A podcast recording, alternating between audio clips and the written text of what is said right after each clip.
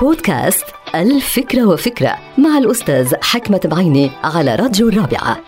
بيحاول عدد كبير من الناس استخدام الصوت العالي للتعبير عن القوة في الحديث أو الحزم في المواقف أو أحيانا التسلط. نعم التسلط مثلا على المستمعين أو الحاضرين كبار كانوا أو صغار موظفين أو تلامذة مدارس.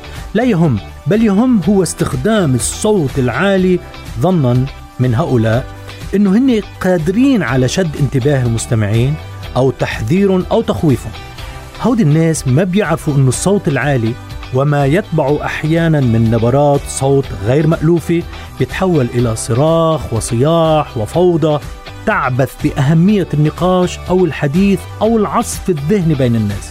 وهود الناس ما بيعرفوا أيضا إنه الصوت الهادئ أقوى من الصوت العالي وأكثر فعالية وإيجابية عند المستمعين.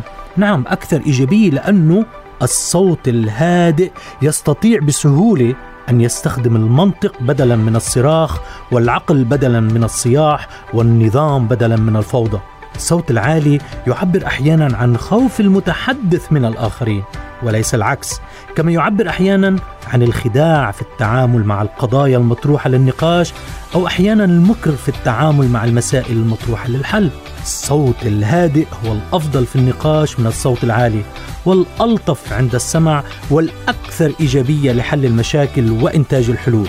انتهت الفكرة. هذه الحلقة مقتبسة من كتاب الفكرة وفكرة.